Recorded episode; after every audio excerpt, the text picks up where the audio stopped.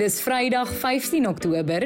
Na hierdie naweek is daar nog net 10 naweke van 2021 oor, maar voor jy eers aan naweek kan dink, wil ek jou net gou op hoogte bring van hierdie week se belangrikste nuusgebeure.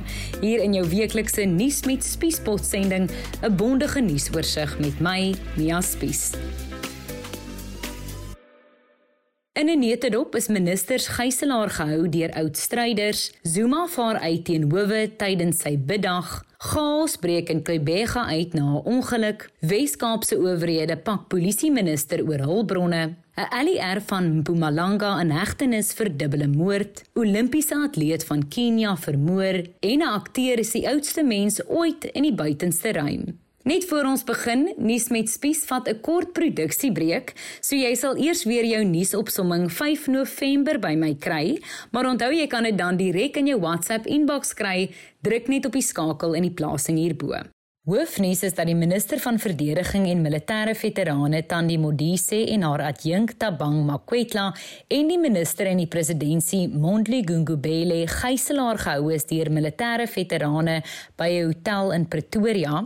Dit nadat 'n vergadering tussen die presidensiële taakspan oor militêre veterane en die organisasie Liberation Struggle War Veterans wat uit oud stryders van verskeie organisasies soos Umkhonto we Sizwe bestaan hand uitgeruk het. Die polisie se elite spesiale taakmag is ontbied en die amptenare is bevry.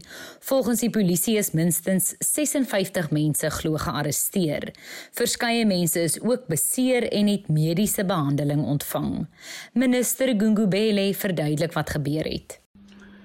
Tonight myself, Minister Mutiso of Defence and the Deputy Minister Tabang Makwetla we found ourselves in a situation which I consider untenable, legally unacceptable, where we thought we were in a meeting whose intention was to attend to the problems that affect military veterans. We could not agree on how the meeting should take place. We reached a point where I thought we, uh, we were agreeing that it should adjourn. As we were leaving the meeting, proceeding to the doors. They closed the doors. It is at that point when we realized that we were held hostage. It's a situation which was averted by the security forces very effectively and successfully. We want to thank Minister Pekichele and all other security forces, whatever branch that was involved, for prompt and timeless intervention and successful in the manner it seems to have been.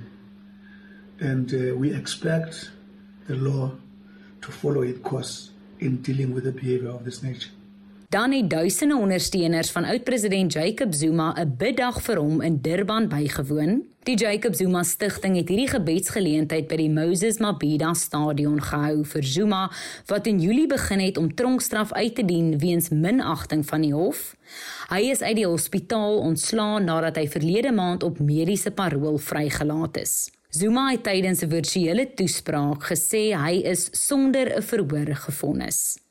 This felt like I was called on to suggest which rope should be used to hang me without having pleaded to any charge and been prosecuted in a court.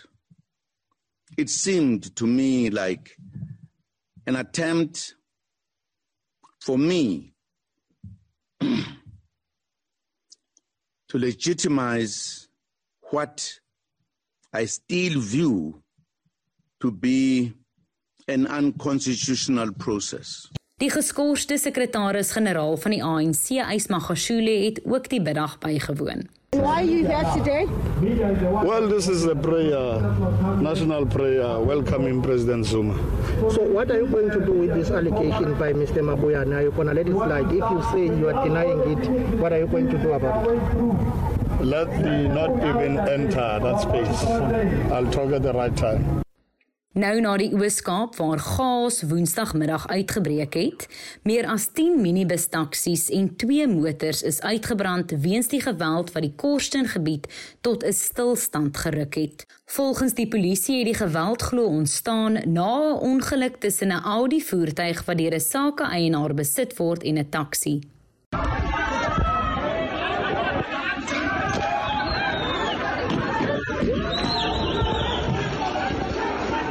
Die minister van polisie Bekkie Cele het donderdag die gebied besoek. The law was broken here. Uh, the the property was destroyed. There was arson. There were cars burnt, taxis. I'm told there were uh, shops burnt.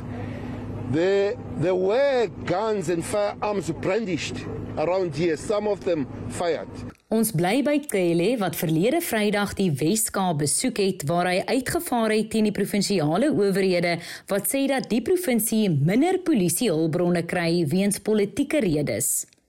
So when they say we do nothing for Western Cape, you must know they are lying. They lie. Yeah, they lie. Maar die Wes-Kaapse premier Allan Windey stem nie saam nie. Hy het ook 'n verslag bekend gemaak wat wys dat die Wes-Kaap minder hulpbronne kry van die Suid-Afrikaanse Polisie Diens om misdaad te beveg.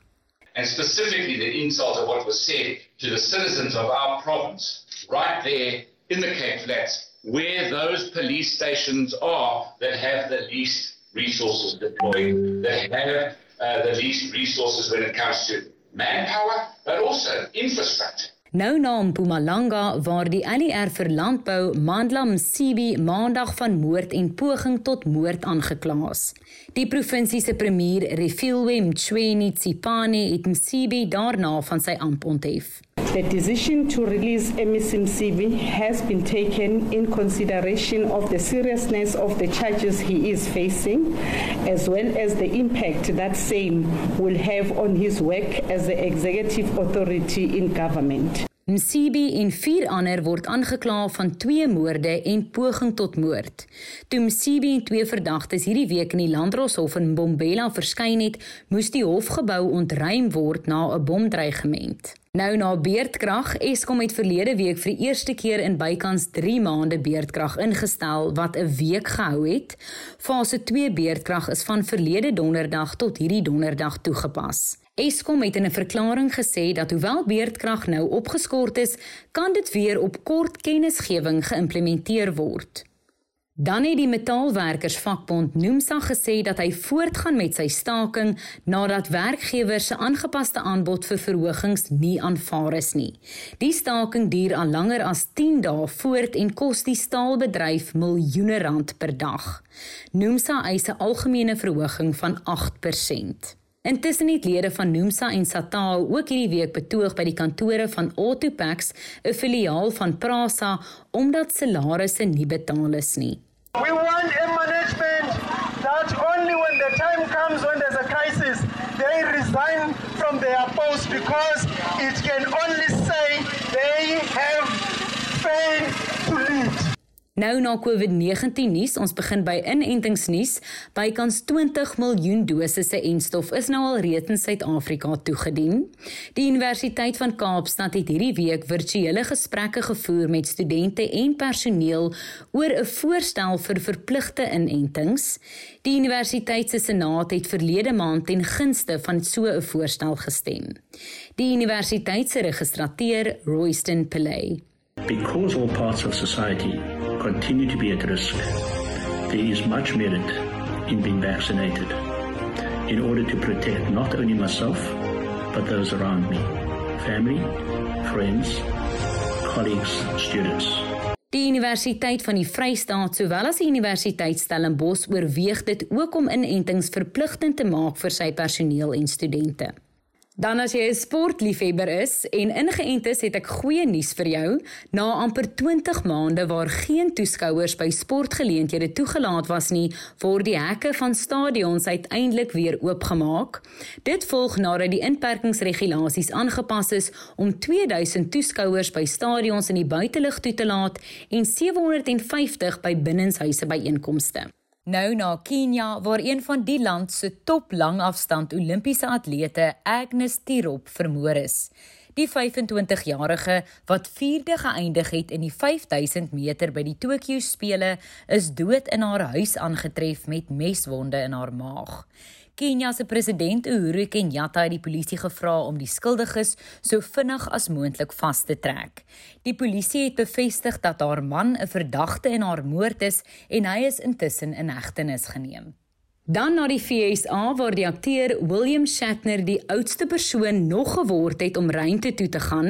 Hy het 'n 10 minute lange suborbitale vlug onderneem. Shatner het natuurlik bekendheid verwerf as Captain Kirk in die oorspronklike Star Trek reeks en hy was een van 4 passasiers van hierdie ruimtereis van die miljardêr Jeff Bezos.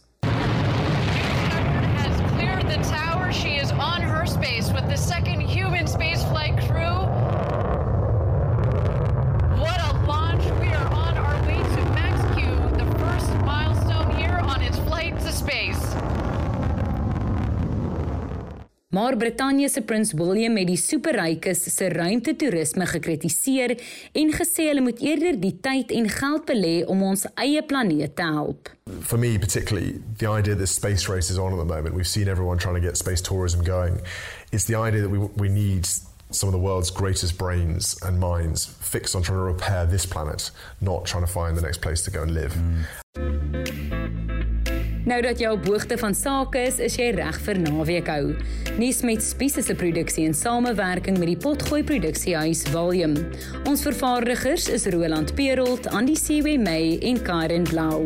En ons kenwysie is soos altyd deur Curtis Kal gekomponeer. Ons gesels dan weer in November. Tot dan, pas jouself op.